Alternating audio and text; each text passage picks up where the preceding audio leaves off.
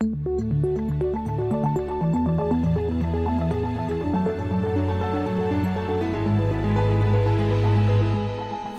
This Morning.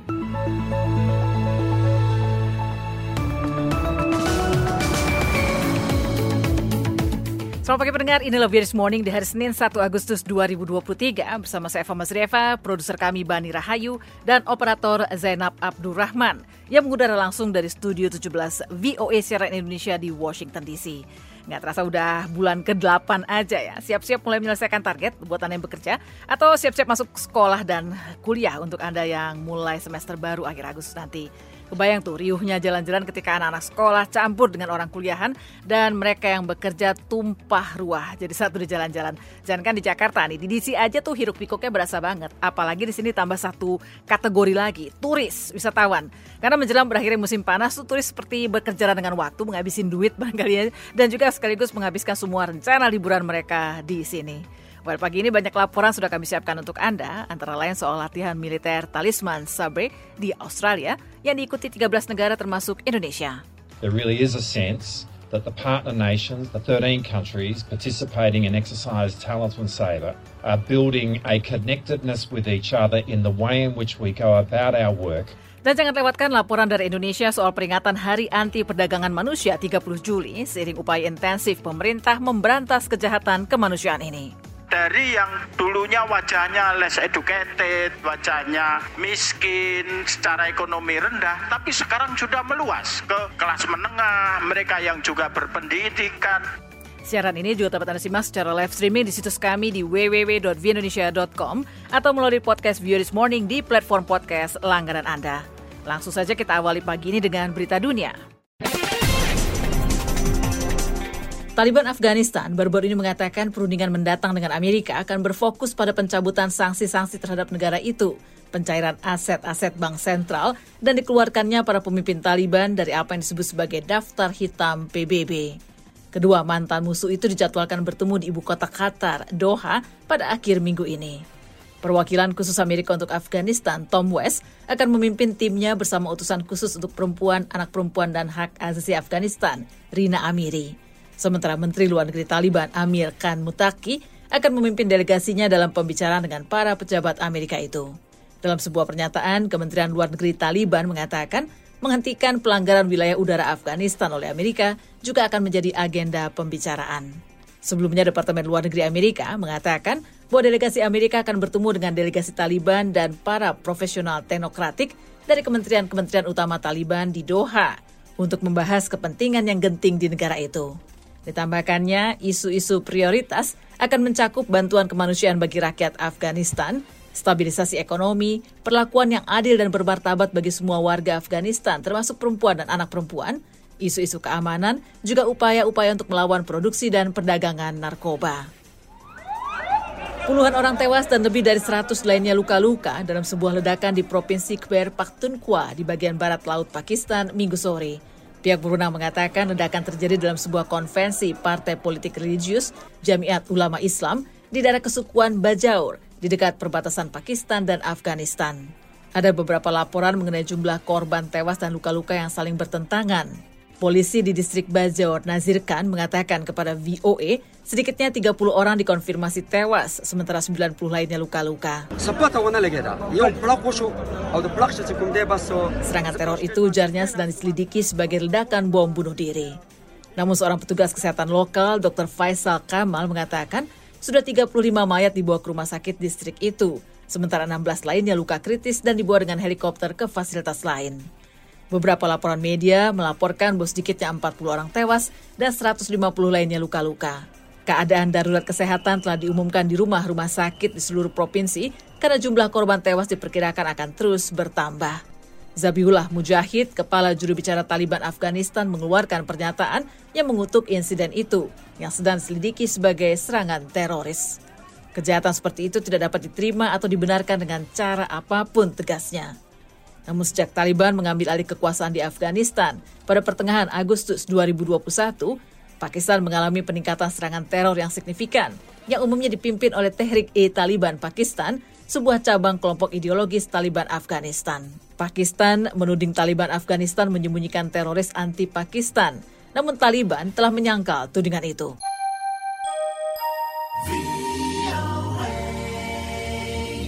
Gerakan kelompok-kelompok perlawanan di bagian timur Myanmar baru-baru ini untuk membentuk pemerintahan lokal yang independen menunjukkan semakin kuatnya pengaruh kelompok-kelompok itu dan dapat mengilhami tindakan serupa di tempat lain.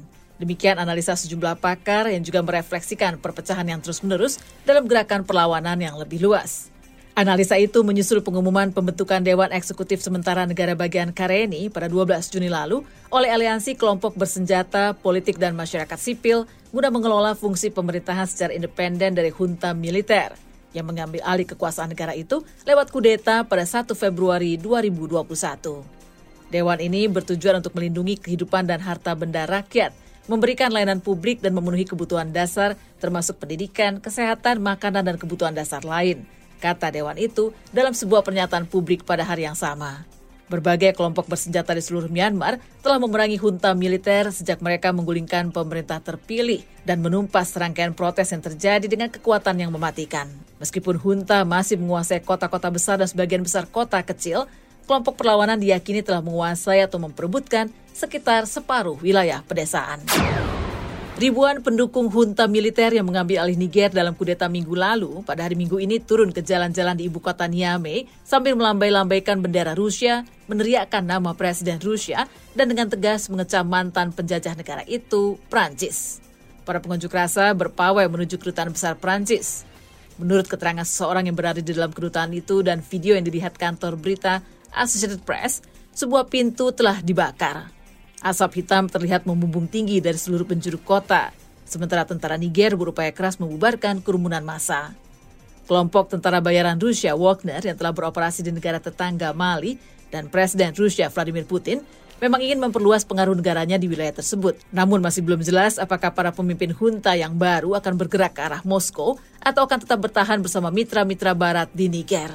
Dalam sebuah pertemuan darurat di Abuja, ibu kota Nigeria, hari Minggu, Blok Afrika Barat ECOWAS mengatakan mereka menangguhkan hubungan dengan Niger dan mengesahkan penggunaan kekuatan jika presiden tidak dipulihkan dalam waktu satu minggu. In the event the authorities' demands are not met within one week.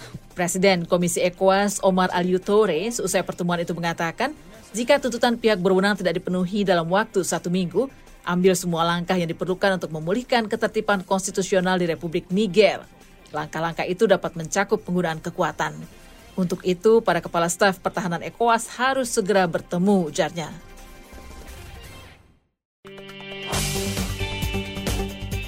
Sekarang kita jelang dulu sebuah laporan pertama kami tentang latihan perang Talisman Sabre di Australia yang juga melibatkan Amerika, Jerman, dan Indonesia yang dinilai sebagai upaya memperkuat aliansi untuk menjamin kawasan Indo-Pasifik yang bebas dan terbuka di tengah peningkatan kekuatan militer Tiongkok di kawasan itu.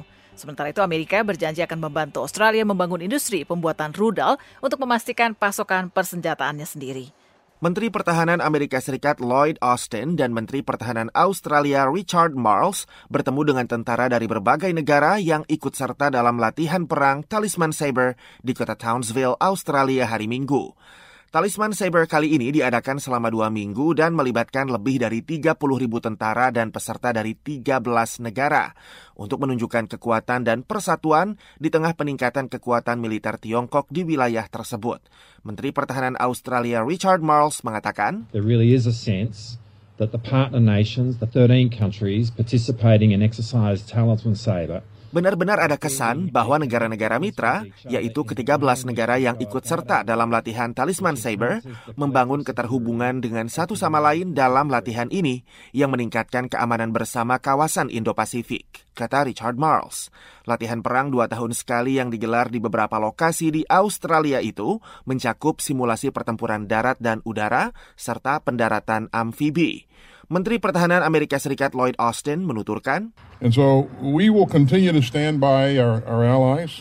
And this exercise helps us strengthen our unbreakable alliance. Kami akan terus mendukung sekutu kami dan latihan ini membantu kami memperkuat aliansi kami yang tidak terpatahkan dan misi akan kawasan Indo-Pasifik yang bebas dan terbuka. Saya bangga, sangat bangga, karena 13 negara yang ikut serta dalam latihan tahun ini memiliki visi yang sama, kata Austin. Selain Australia dan Amerika Serikat, pasukan militer Kanada, Fiji, Perancis, Jerman, Indonesia, Jepang, Selandia Baru, Papua Nugini, Republik Korea, Tonga, dan Inggris ikut serta dalam latihan tersebut. Menteri Luar Negeri Anthony Blinken dan Menteri Pertahanan Lloyd Austin hari Sabtu menyampaikan keprihatinan atas insiden hilangnya awak helikopter tentara Australia saat dimulainya hari kedua pertemuan bilateral dengan mitra-mitra mereka di Brisbane. Diskusi di kota pesisir itu fokus merundingkan kesepakatan untuk memberi Australia armada kapal selam bertenaga nuklir dengan teknologi yang dikembangkan Amerika Serikat. Amerika sendiri akan meningkatkan pasokan persenjataannya yang menyusut dengan membantu Australia mengembangkan industri manufaktur dan ekspor rudal, kata sejumlah pejabat hari Sabtu setelah pertemuan tingkat tinggi kedua negara itu. Kembali Menhan Australia Richard Marles. We hope to see manufacturing of missiles commence in Australia in two years' time. Kami harap pembuatan rudal di Australia akan dimulai dua tahun lagi sebagai bagian dari markas industri bersama di antara dua negara kami, kata Marles. Canberra juga setuju untuk memperbarui pangkalan militernya yang penting dan strategis di utara negara itu, sehingga memungkinkan mereka menjadi tuan rumah latihan militer dan meningkatkan rotasi pasukan Amerika Serikat. Rifan VOA, Washington. Nah, kini ada saya ajak Anda ke satu berita yang nggak hanya menarik di Amerika, tapi juga di Indonesia nih. Mantan Presiden Amerika, Donald Trump, kami selalu didakwa secara ilegal menyimpan dokumen rahasia yang merinci rencana operasional serangan militer Amerika ke Iran. Juga dengan dua tuduhan lain karena berupaya mengubah, menghancurkan, merusak, atau menyembunyikan bukti selama penyelidikan terhadap dokumen rahasia yang dibawa ke rumahnya di Mar-a-Lago di Florida. Kita simak laporan Cindy Sen yang disampaikan Puspita Sariwati.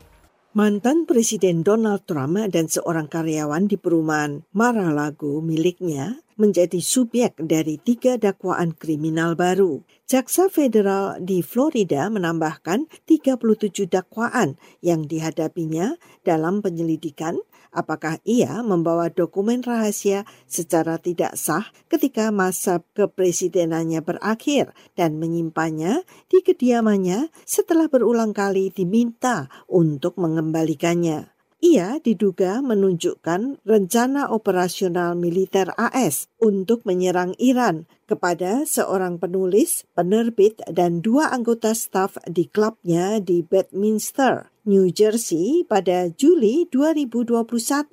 Seorang analis keamanan dan diplomasi mengatakan rencana militer itu tidak berarti bahwa AS berencana menyerang Iran. Namun Pentagon menyiapkan rencana untuk skenario terburuk. Ia mengatakan dugaan bahwa Trump menunjukkan atau membagi dokumen itu belum pernah terjadi sebelumnya dalam sejarah AS. Cecil Xia adalah pakar di Chicago Council on Global Affairs. Tugas militer adalah merencanakan yang terburuk dan berharap yang terbaik. Jadi, ada banyak rencana perang di luar sana. Namun jelas yang melibatkan Iran sangat serius karena Iran punya sejarah mengembangkan senjata nuklir. Jadi ada fakta bahwa Presiden tampaknya membual tentang rencana itu, tapi kelihatannya ia tidak punya rencana militer untuk itu. Trump berulang kali menolak berbagai penyelidikan federal yang ia hadapi dengan mengatakan penyelidikan itu bermotif politik karena ia merupakan unggulan dalam pertarungan untuk menjadi calon presiden dari Partai Republik dalam pemilu presiden AS 2024. Saya tidak pernah berpikir hal seperti ini bisa terjadi di Amerika. Satu-satunya kejahatan yang saya lakukan adalah membela negara kita tanpa rasa takut dari mereka yang berusaha menghancurkannya. Sejak awal, Demokrat memata-matai kampanye saya. Ingat itu, mereka menyerang saya secara gencar dengan penyelidikan-penyelidikan terhadap penipuan. Trump juga berpendapat bahwa dakwaan itu dapat memicu kekerasan dan membuat negara ini terpecah belah. Puspita Sariwati, VOA, Washington. Tanggal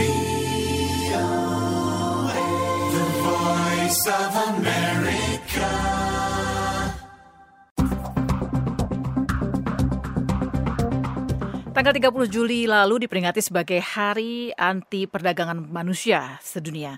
Nah, di Indonesia sendiri sedikitnya ada 1.581 orang yang menjadi korban tindak pidana perdagangan orang atau TPPO dalam kurun 2 tahun saja.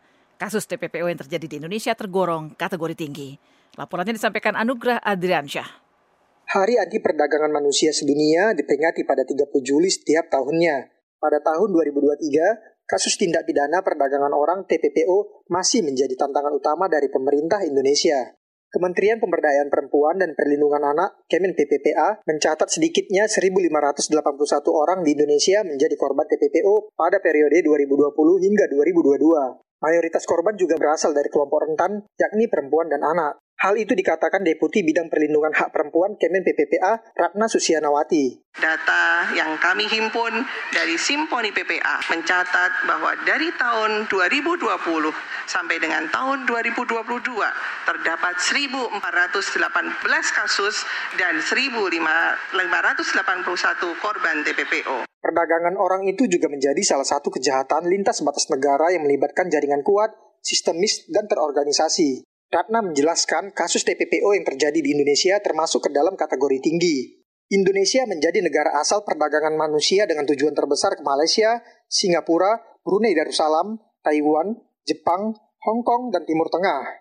Salah satu faktor penyebabnya adalah masalah ekonomi dan kemiskinan. Menurut Ratna, perdagangan orang tidak hanya menggunakan modus pengiriman pekerja migran. Seringkali TPPO beririsan dengan masalah pekerjaan, pada akhirnya banyak orang yang menjadi korban yang diawali dengan iming-iming pekerjaan melalui perekrutan sebagai calon pekerja migran, khususnya di luar negeri. Seiring dengan perkembangan modus-modus baru yang digunakan dalam perdagangan orang, faktor mencari pekerjaan yang lebih baik keinginan mencari suasana baru, perubahan gaya hidup, serta tingginya permintaan tenaga kerja yang murah dan tidak memiliki skill menjadi faktor pendorong terjadinya TPPO. Dengan maraknya kasus TPPO yang terjadi, maka diperlukan waspadaan mengingat dampak yang ditimbulkan dari kejahatan TPPO.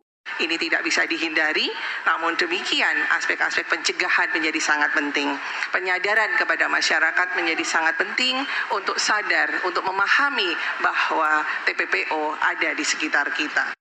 Direktur Eksekutif Migrant Care, Wahyu Susilo, mengatakan saat ini telah terjadi pergeseran latar belakang dari para calon korban TPPO. Dari yang dulunya wajahnya less educated, wajahnya miskin, secara ekonomi rendah, tapi sekarang sudah meluas ke kelas menengah, mereka yang juga berpendidikan, dan menurut saya ini tantangan ya bagi uh, kita untuk merespon situasi ini. Anugerah Andriansyah melaporkan untuk VOA Washington.